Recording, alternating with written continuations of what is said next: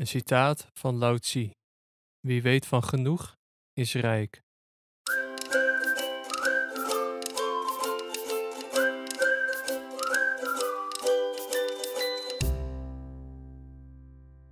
Welkom, leuk dat je luistert naar deze veertiende aflevering van de Wereld en Literatuur, een podcast over wereldliteratuur.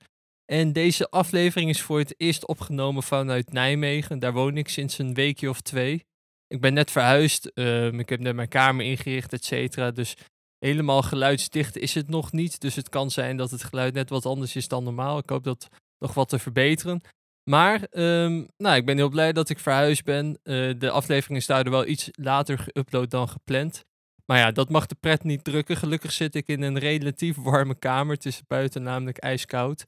Uh, de winter doet echt haar intreden. Het was uh, min 5, min 4, dat soort dingen afgelopen nachten.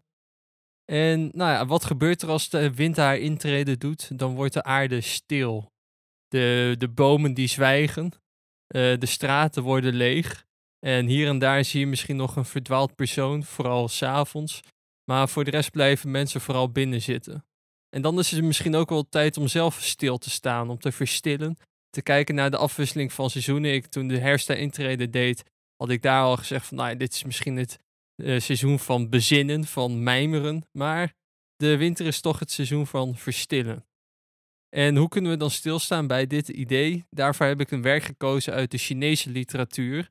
Uh, ik heb in de podcast een interview met Gebrandi, maar ook in mijn inleidingsaflevering het een en ander gezegd over wereldliteratuur. En dat dat ook zeker buiten de grenzen van het Europees continent dient te gaan. Dus vandaar deze eerste aflevering over um, over de Chinese literatuur. Een wereld die voor mij enigszins onbekend is. Maar juist daardoor ook wel leuk om erin te duiken en te kijken van wat deze Chinese literatuur ons precies te zeggen heeft. En een goede plek, denk ik, om te beginnen is de Dao De Jing. Um, er zijn natuurlijk heel veel werken in China verschenen. Uh, überhaupt Aziatische literatuur, ontzettend veel boeken te verkennen daar. Maar ik dacht van laat ik gewoon de monumentale tekst pakken. Eentje dat aan de grondslag ligt van een bepaald denken in, in China en misschien daaromheen. Uh, een, hele fundamentele tekst die ook al heel oud is, de Tao Te Ching. Ook al geschreven trouwens als de Tao Te Ching. Um, dat heeft te maken met hoe je een Chinese alfabet naar ons alfabet omzet. Maar je kan dus beide doen. Moderne vertalingen hebben het vaak over Tao Te Ching. Dus daarom heb ik hem deze aflevering ook zo genoemd, terwijl mijn vertaling eigenlijk Tao Te Ching heet. uh, maar ja, het verschil is niet heel groot. Misschien ken je dit werk wel, misschien ook niet, maar het is een van de belangrijkste werken uit het Taoïsme. En dat ken je wellicht wel, dat is een religieuze stroming. Uh, een van de vijf toegestane religies in China. En een van de grote Chinese filosofieën. Naast het Confucianisme en het Boeddhisme. Die daar ook een belangrijke rol spelen in het denken van China. En uh, hiervoor, hiervoor kun je ook natuurlijk kijken naar gesprekken van Confucius. Een andere hele belangrijke tekst. Die ik zeker ook nog een keer moet bespreken in deze podcast. En de Tao Te Ching is in zekere zin ook een bepaalde polemiek tegen het Confucianisme. Maar daar kan ik het misschien wel over hebben als we het over uh, de gesprek van Confucius gaan hebben. Uh, nu over de Tao Te Ching zelf. Dit werk is ontzettend moeilijk te vertalen.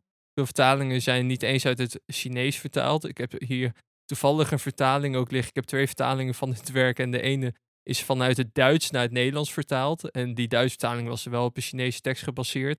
Maar dat is toch een beetje problematisch dat je de, het werk niet vanuit het Chinees rechtstreeks vertaalt.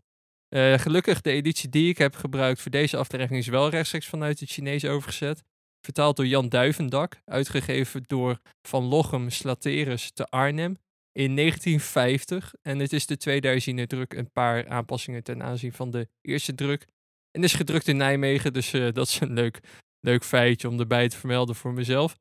Um, maar in 1950, lang geleden alweer. En nou ja, daarna zijn er nog twee wat modernere vertalingen van de Tao Te Ching Dus mocht je na deze aflevering denken, ik wil dit werk zelf lezen, kijk dan vooral deze twee nieuwe vertalingen. Maar in de inleiding schrijft hij het volgende over de Tao Te Ching. En ik denk dat dat wel handig is als inleiding voor deze aflevering ook.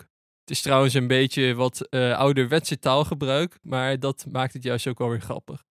De Tao Te Ching is één dierenboeken die door de eeuwen heen hun waarde blijven behouden.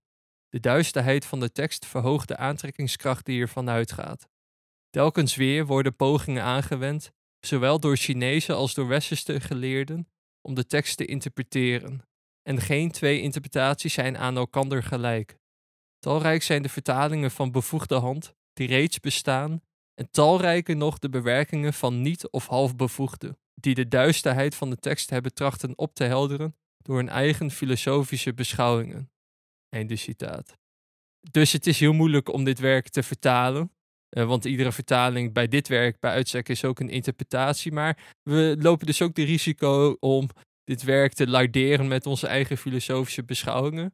Dit risico loop ik zelf natuurlijk ook. Dus ik hoop dat ik in deze aflevering toch een beetje een wat meer tekstgetrouwe interpretatie kan geven. dan dat ik gewoon mijn eigen filosofische beschouwingen erop loslaat. Um, maar ja, dat gaan we zien. Uh, dus laten we snel doorgaan naar de contextuele schets.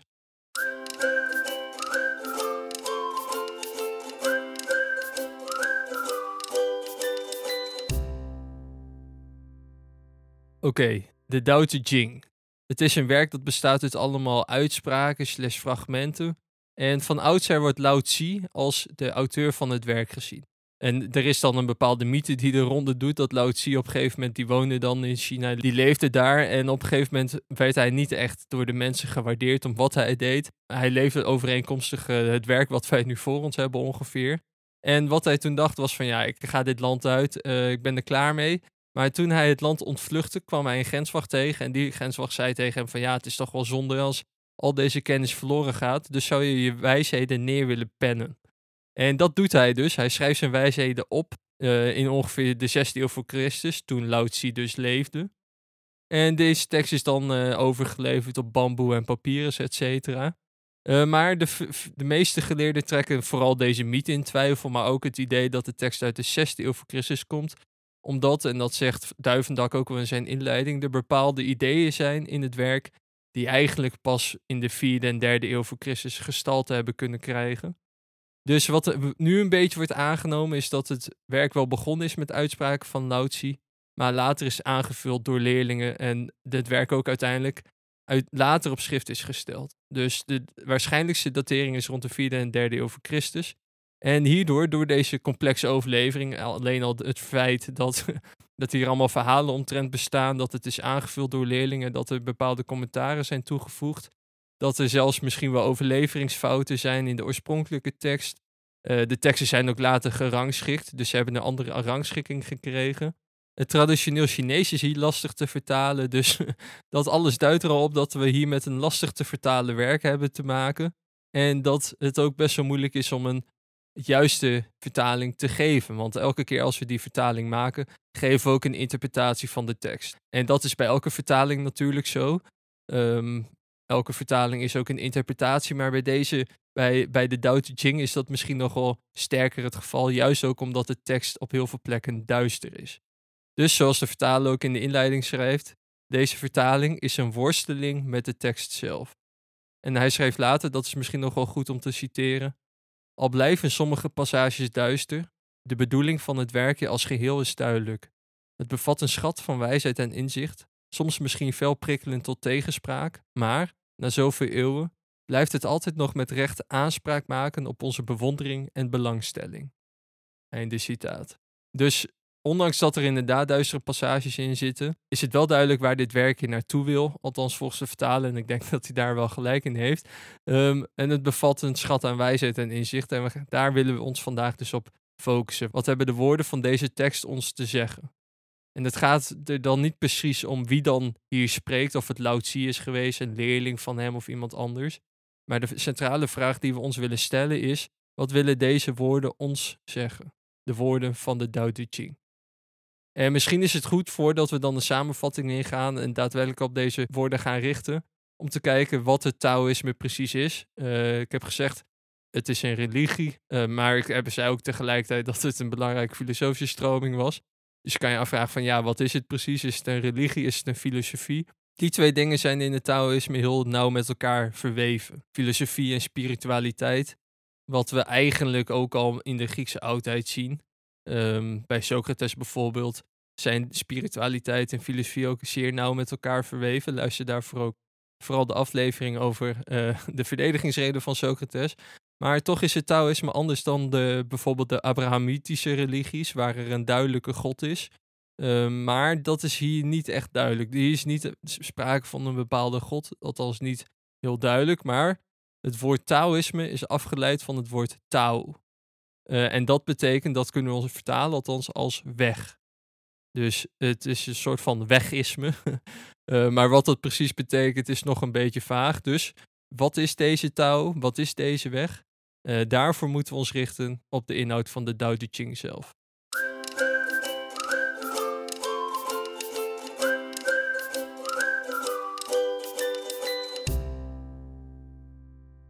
Oké, tijd voor de samenvatting dus. Het boek bestaat uit 81 fragmenten. 3 keer 3 keer 3 keer 3. Dus, en het getal 3 is belangrijk voor het Taoïsme, dus er zit misschien een bepaalde systematiek achter. Maar door die systematisering uh, en het ordenen van de fragmenten lijkt het alsof bepaalde fragmenten op plaatsen staan of stukjes op plaatsen staan waar ze eigenlijk niet thuis zouden moeten horen. Dus de vertaler heeft dan ook de uitdaging om die zinnen op de juiste plek te zetten, wat best wel moeilijk is, want nou ja, moet je uit het verband opmaken of hij wel of niet op die bepaalde plek thuis hoort. Um, nou ja, dat heeft elke vertaler moet dat weer opnieuw doen. Mijn vertaler heeft dat op een bepaalde manier gedaan. Uh, andere vertalers doen het op een andere manier. Maar het is wel duidelijk dat de fragmenten gerangschikt zijn in ieder geval in twee boeken, twee delen. En het eerste deel handelt over de Tao, de weg. En het tweede deel over de Te. En ja, ik kan geen Chinees verder, dus ik hoop dat mijn uitspraak een beetje correct is. Maar dit verwijst dus naar de titel, um, de Tao Te Ching, of de Tao Te Ching. Het boek over de weg, de Tao, en de Te, de deugd. Dus de, die twee boeken zijn los van elkaar eigenlijk. Je hebt een boek over de Tao, de weg, en een boek over de Te, de deugd. En die dingen hangen dus, zoals al uit de titel blijkt, samen met elkaar, de Tao Te Ching. Um, en het is daarom best wel, het is, beetje het is wel lastig om een samenvatting te geven hiervan, want het zijn allemaal fragmenten. Uh, niet zo fragmentarisch als bij Sapfo, wat ik in de vorige aflevering, in aflevering 11, heb besproken. Um, maar het is alsnog wel, zijn het allemaal losse fragmenten, losse uitspraken, slash wijsheden, waardoor het best wel moeilijk is om een samenvatting te geven. Het is niet echt een verhaal of iets dergelijks. Dus om die samenvatting toch een beetje te geven, laten we ons richten op die twee woorden, touw en te. Om te kijken wat er precies met deze twee begrippen bedoeld wordt. En er is geen betere plek om te beginnen dan het begin zelf. Dus laten we gewoon lezen wat er als de allereerste zin in de Tao Te Ching staat. De weg die als ware weg kan gelden, is geenszins een bestendige weg. De termen die als ware termen kunnen gelden, zijn geenszins bestendige termen. Einde citaat. Nou, uh, ja, dat is uh, nogal een binnenkomer. Laat ik hem gewoon nog een keer voor de duidelijkheid citeren, want ik denk dat het wel moeilijk is om te volgen. De weg die als ware weg kan gelden, is geenszins een bestendige weg. De termen die als ware termen kunnen gelden, zijn geenszins bestendige termen. Einde citaat. Dus wat zien we in dit citaat en wat komt in dit hele werk eigenlijk terug? De nadruk op tegenstellingen, op paradoxaliteit. Er wordt de hele tijd gespeeld met het een en het ander. Het, het, het niet en het wel, het ja en het nee. Dat komt de hele tijd in dit werk terug. En wat is de weg dan precies als we hier naar die eerste zin kijken? De weg die als ware weg kan gelden, is geen zins een bestendige weg. Dus hij is niet bestendig. De weg, uh, de touw, de weg dus, waar dit hele boek eigenlijk over gaat, is geen bestendige weg, maar een veranderlijke weg. Het geeft op een bepaalde manier uitdrukking aan een dynamisch geheel van de wereld. En om dat te zien moeten we verder lezen in het boek. Daar lezen we bijvoorbeeld het volgende. Omkeer is de beweging van de weg. Einde citaat. Dus wat, wat doet de weg? Die is voortdurend in beweging. Die keert alles weer de hele tijd om. Dus waar, waar we eerst gelukkig zijn geweest, komt plots het ongeluk. Waar we eerst gezond zijn geweest, komt plots het leed.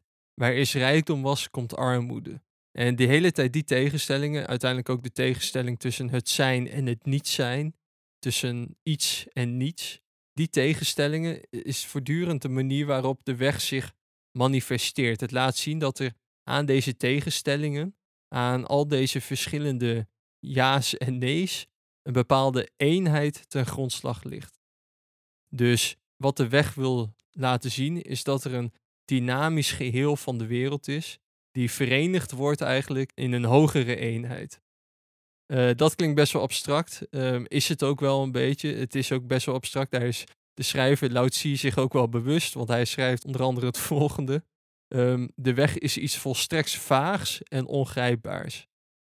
Einde citaat. Dus daarmee is de weg altijd iets bepaald, iets mystieks, iets geheimzinnigs, iets waar we geen woorden aan kunnen geven. Hij schrijft ook: Het gemeenschappelijke noem ik het geheim, wederom het geheim van het geheim, de poort van alle wonderen.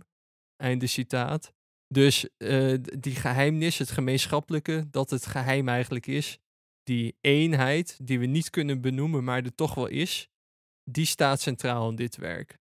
En we kunnen die weg dus niet benoemen, want bij ieder benoemen verliest het haar kracht. Vandaar ook dat er staat: de termen die als ware termen kunnen gelden, zijn geenszins bestendige termen. Dus de termen die we gebruiken om de weg te beschrijven, om een, een definitie van de weg te geven, want die vinden we in dit werk niet. Dat is ook logisch als we hier naar kijken, want we kunnen haar niet in woorden vangen, omdat zij voortdurend veranderlijk is. Omdat zij een hogere eenheid is die zich aan iedere taal onttrekt. En dan kun je je toch afvragen van ja, maar waarom gebruiken we dan de naam weg? Hoezo gebruiken we de naam weg? Zijn er geen andere namen die we kunnen gebruiken? Dat wordt ook uitgedrukt in een volgende citaat. De weg heeft de eenvoud van het naamloze. Zodra dit wordt gehakt, zijn er differentiërende namen. Einde citaat. Dus de weg heeft de eenvoud van het naamloze. Het heeft geen naam, het is eenvoudig in dat opzicht.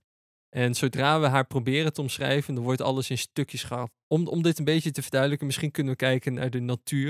Het is natuurlijk best wel abstract allemaal, besef ik ook als ik dit zo probeer uit te leggen. Maar als we kijken naar de natuur, als we ons afvragen van ja, wat is de natuur precies? Dan benoemen we bijvoorbeeld een landschap, of benoemen we een bepaald dier, of benoemen we een bepaalde rivier, of we benoemen zus en zo de, de, het heelal, eh, de planeten, de sterren, wat, wat dan niet meer.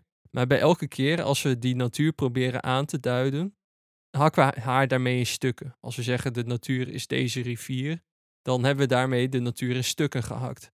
Maar kunnen we ook uitdrukking geven aan het geheel van de natuur, het alomvattende van de natuur. Elke keer als we dat proberen te doen, dat is misschien ook wel wat Spinoza betoogt in zijn Ethica Deus Natura, God ofwel de natuur, uh, dat de natuur in wezen goddelijk is in de zin van dat het uh, deze eenheid veronderstelt. En dat iedere poging om het op te splitsen elke keer aan de natuur voorbij gaat. En dat is ook wat de weg in het Taoïsme is.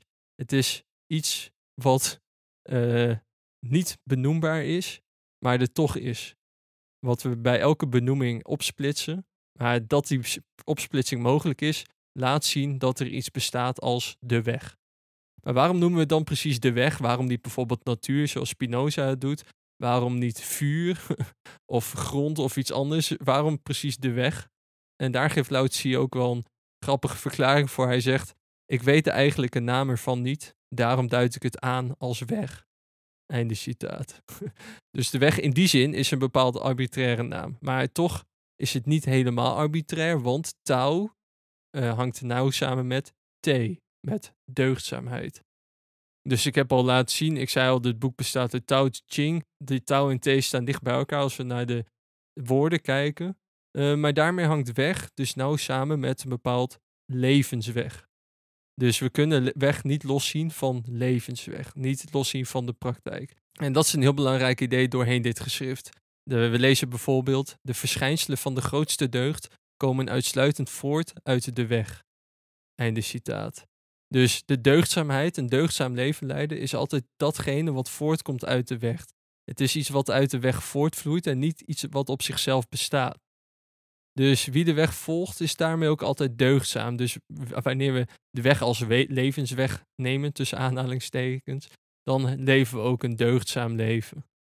Dus de deugdzaamheid is daarmee iets natuurlijks, iets wat we niet moeten opleggen, maar wat uit de weg vanzelf volgt.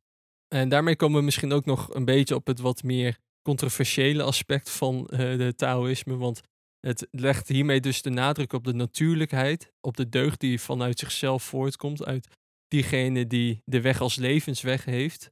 En dat het opleggen van deugdzaamheid ondeugd juist verhult. Dus dan lezen we, waar de grote weg vervallen is, is er gepraat over humaniteit en recht. Waar staat en dynastie in wanorde verzinken, is er gepraat over trouwe ministers. Einde citaat.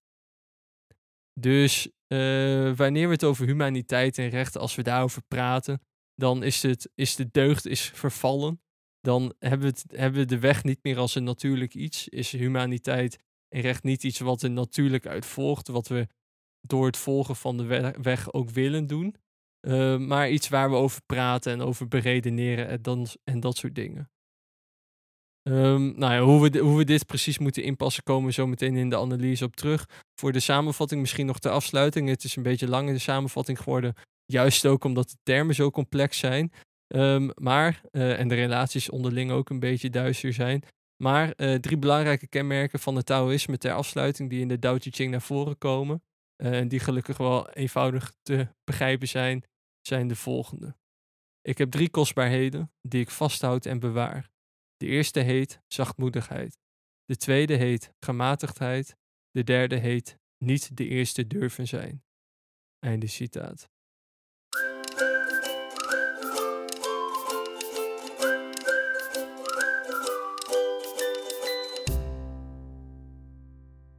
Oké, dat was een lange samenvatting met uh, een lange uitleg ook van de verschillende termen die worden gebruikt. Er worden allemaal verschillende concepten gebruikt. En voor een lezer die zich niet helemaal thuis weet in de wereld van de Chinese filosofie en denkwereld, uh, zoals ik zelf ook ben, um, is het best wel lastig om die termen allemaal plaats te geven. Dus vandaar dat we daar ook iets langer bij stil moesten staan. Uh, maar hoe moeten we deze tekst precies begrijpen? Wat is die touw precies? We hebben het al gezegd, het is onuitspreekbaar, een grote mysterie en alles overkoepelend iets, een, een grotere eenheid en dat soort dingen. Um, maar er zitten ook bepaalde adviezen voor een levensweg in de tekst besloten. Um, hoe moeten we deze tekst begrijpen? En er zijn verschillende interpretaties van deze tekst. Uh, we hebben een meer existentiële interpretatie ervan. We hebben ook een interpretatie die zegt dat de tekst zich voornamelijk richt tot een vorst. En er zijn inderdaad verschillende passages die duiden op zo'n interpretatie. Ik zal er nog twee geven. Um, anders verliezen we ons ook heel snel aan allemaal verschillende citaten, want heel veel onderdelen van het werk ook zijn ook citerenswaardig. Maar twee, twee citaten die inderdaad duiden dat het hier om een fors gaat en een staatsinrichting. Dan lees ik: Haal de vis niet uit zijn diepte. De nuttige werktuigen van de staat moet men niet aan de mensen tonen. Einde citaat. En wanneer het volk moeilijk te regeren is, komt dat door te veel kennis. Daarom, wie door middel van kennis een land regeert, is een plaag voor het land. Wie niet door middel van kennis een land regeert, is een geluk voor het land. Einde citaat. Dus de Tao Te Ching geeft daarmee ook adviezen voor de juiste staatsinrichting. En het zijn in dat opzicht ook wel controversiële adviezen. Hetzelfde als wat we net hadden over, um, nou ja, dat als er sprake is van deugdzaamheid, dat er niet gesproken wordt over humaniteit en recht. Uh, maar hier ook dat we de nuttige werktuigen van de staat niet aan de mensen moeten tonen. En dat we de, het volk eigenlijk dom moeten houden, want dat, dat zorgt voor geluk in het land. Uh, want kennis is in die zin ongeluk. En in dat opzicht doet het huidige China het wel goed, want het houdt inderdaad de werktuigen van de staat verborgen voor de mensen. Um, maar, en het laat misschien ook wel een beetje zien welk denken aan, aan zo'n staat de grondslag ligt. Maar we kunnen ons terecht afvragen of dit wensbaar is. Of we inderdaad een staat op deze manier willen inrichten waarin we de bevolking onwetend proberen te houden. Kunnen, en in dat opzicht moeten we denk ik ook kritisch zijn op het Taoïsme. Dat het in die zin volledig anticultureel is. Dat het tegen iedere vorm van kennisvermeerdering is. Um, en terug wil gaan naar de weg. De weg uh, een weg van eenvoud eigenlijk. Want waarom is het dan zo sterk anticultureel? Nou, omdat juist het het, cultiveren ingaat tegen de natuurlijkheid. Het is een bepaalde kunstmatige werkelijkheid die gecreëerd wordt. En in die zin is beschaving een vorm van onwaarheid. Het weghouden van natuurlijkheid. En uh, een paar citaten om dat te illustreren. Bijvoorbeeld over geborduurde gewaden zegt de Tao Te Ching het volgende. Wanneer men geborduurde gewaden draagt, zich omgort met scherpe zwaarden, zich verzadigt aan eten en drinken en het teveel heeft aan goederen, dat noem ik roverij en pocherij. Dit is in strijd met de weg. Einde citaat. Dus uh, we moeten niet een kunstmatige werkelijkheid willen opwerpen, maar we moeten ruimte maken voor de natuurlijkheid van de weg. En hetzelfde zegt de Tao Te Ching over kennis. Schaf af studie en gij zijt zonder zorgen. Wat is het verschil tussen ja en jawel? Wat is het onderscheid tussen goed en kwaad? Dat men moet vrezen wat anderen vrezen. Hoe begrensd is de studie van zulke dingen? Er komt geen einde aan. Einde citaat. En dat is eh, iets wat ik zelf ook wel herken. Maar een te, te sterke focus op kennis ontneemt ons iets. Het ontneemt ons iets wat wezenlijk is aan de weg. En die vraag, ja, wat, wat dit precies is, wat ontneemt zij ons eigenlijk, dat is denk ik de centrale vraag in de Tao Te Ching. En daarmee gaat het werk dus ook voorbij aan een werk dat alleen gericht is aan vorsten, tegen de cultivatie is en advies geeft aan hoe we met de wereld om moeten gaan als we vorst zouden zijn, hoe we een staat zouden moeten inrichten, maar het richt zich ook tot de mens. En daarmee raakt het aan het algemeen menselijke, de eisen eigenlijk die we in de eerste inleidingsaflevering aan de wereldliteratuur hebben gesteld. Maar het richt zich juist op de concrete existentie van de mens. Het laat het leven zien in al haar facetten. En ik heb het gehad over de verschillende tegenstellingen die in de weg terugkomen. En dit geeft misschien wel een duidelijker voorbeeld van wie, wat die tegenstellingen precies zijn. Zijn en niet zijn baren elkander. Moeilijk en gemakkelijk vormen elkander. Lang en kort bepalen elkander. Hoog en laag vernietigen elkander.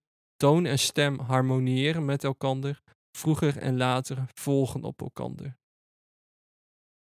Dus deze tegenstellingen bestaan juist krachtens elkaar. De rijkdom die wij in het Westen verworven hebben, ontstaat krachtens de armoede in andere delen van het land. De, de roep van de ene mens bestaat krachtens het zwijgen van de ander. Het vroegere leven bestaat krachtens het feit dat er een toekomstig leven is.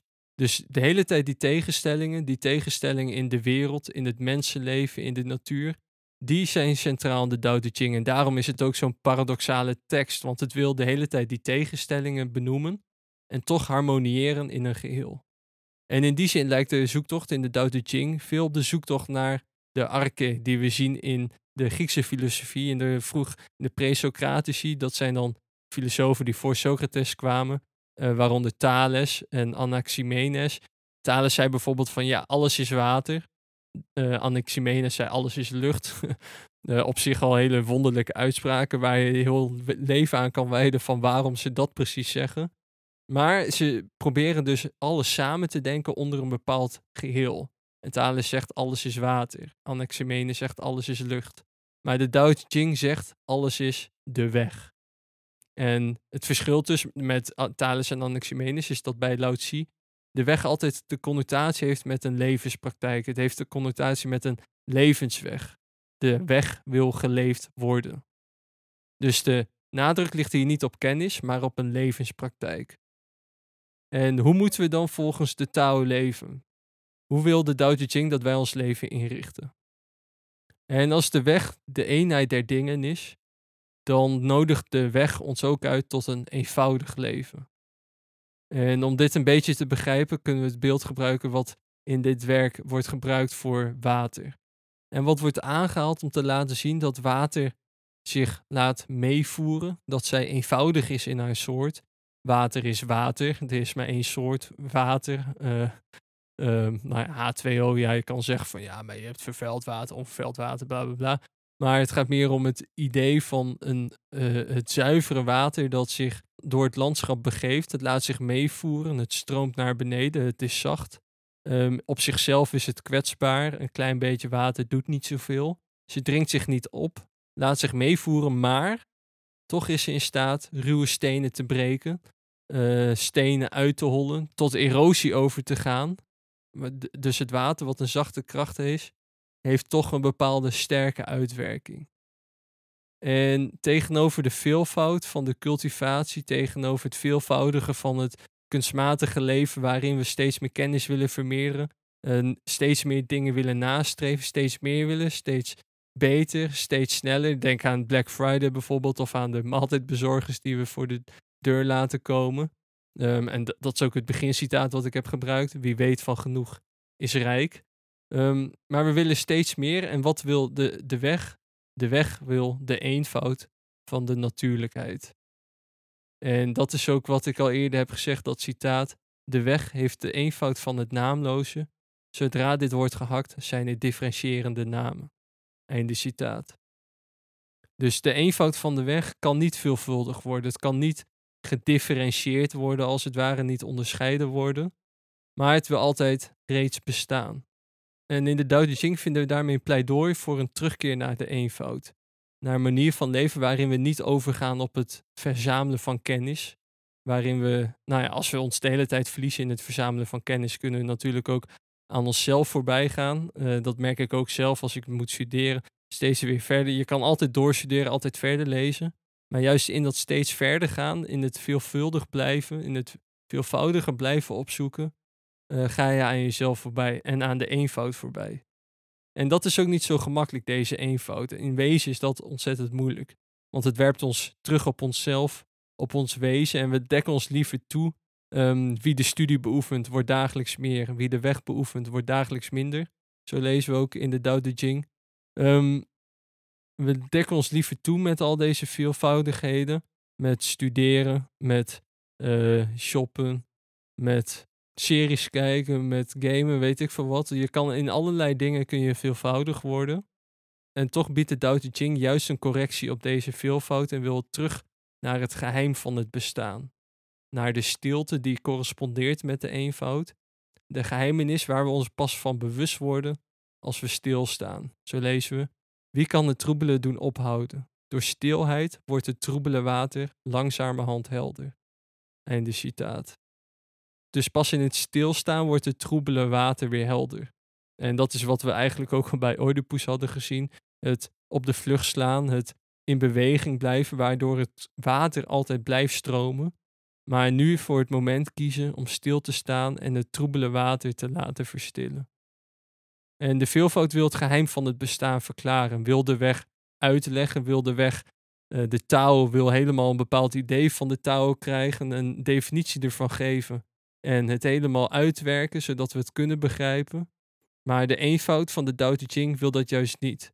Wil de weg als iets onbegrijpelijks laten, als een geheim laten, als iets wat we niet kunnen vastgrijpen, als iets vaags eigenlijk. Maar toch als een geheimnis, als een mysterie, wat altijd aanwezig blijft, wat ons leven kleur geeft, wat aan alles ten grondslag ligt, wat ons alle tegenstellingen in het leven zelfs veroorzaakt, maar wat toch onuitspreekbaar blijft. En daarmee neemt zij met het geringe genoeg. En misschien is dat ook wel een juiste karakterisering van het Taoïsme. Daarom doet de heilige tot het eind toe niets groots en kan daarom het grote tot stand brengen. Einde citaat. Dus misschien is het heilige juist, het heilige leven juist, uh, de weg als levensweg nemen, de geringste willen worden.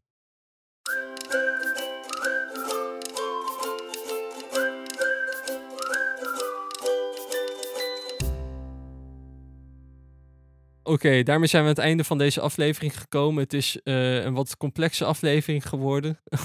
uh, veel citaten. Het is ook lastig om. Nou ja, het is, zit een hele complexe denkwereld achter. Um, en de taal, de weg, uh, laat zich moeilijk vastgrijpen. Dus ja, hoe moet je daar precies uitdrukking aan geven? Maar ik hoop hiermee toch een bepaalde uitdrukking te hebben gegeven. Of een bepaalde nou, een bepaald idee van een levensweg getoond te hebben. Ik heb allerlei verschillende termen nog niet besproken, yin-yang en wu-wei, die ook heel belangrijk zijn in de context van het Taoïsme. Uh, mocht je daar geïnteresseerd in zijn, lees het werk vooral zelf. Uh, daar worden deze termen ook verder uitgewerkt. En krijg je ook deze fragmenten die, nou ja, toch op een bepaalde manier samenhangen, maar ook uh, in zekere zin heel veel stof tot nadenken of tot bezinning geven. Nou ja, nadenken zou misschien niet zo goed zijn, maar bepaalde bezinning aanzetten. En daarmee wil ik ook deze aflevering afsluiten met een vraag ter bezinning. Durf jij eenvoudig te worden? Oké, bedankt voor het luisteren. Ik hoop dat je dit een leuke aflevering vond. Zo ja, deel het vooral met je vrienden, met kennissen, met familieleden. Um, laat een beoordeling achter. Helpt mij ook enorm. Word vriend van de show. Helpt me nog meer. Vriendvandeshow.nl slash een wereld aan literatuur. Waar je ook mijn bonusserie of Kierkaart kan vinden. Op Instagram kan je me ook vinden. Een wereld aan literatuur. En uh, op e-mail een wereld aan literatuur.gmail.com. En ter afsluiting. Um, niet de gewoonlijke afsluiting van nou, wat ik net deed. Maar het laatste stuk uit de Dao Te Ching. Om toch een beetje een beeld te geven van waar het mee begonnen is. En waar het mee afsluit. Wie weet, spreekt niet. Wie spreekt, weet niet. Wie oprecht spreekt, is geen mooi prater. Een mooi prater is niet oprecht. Wie goed is, reden twist niet. Wie reden twist, is niet goed. Wie weet, speelt niet. Wie speelt, weet niet. Einde citaat.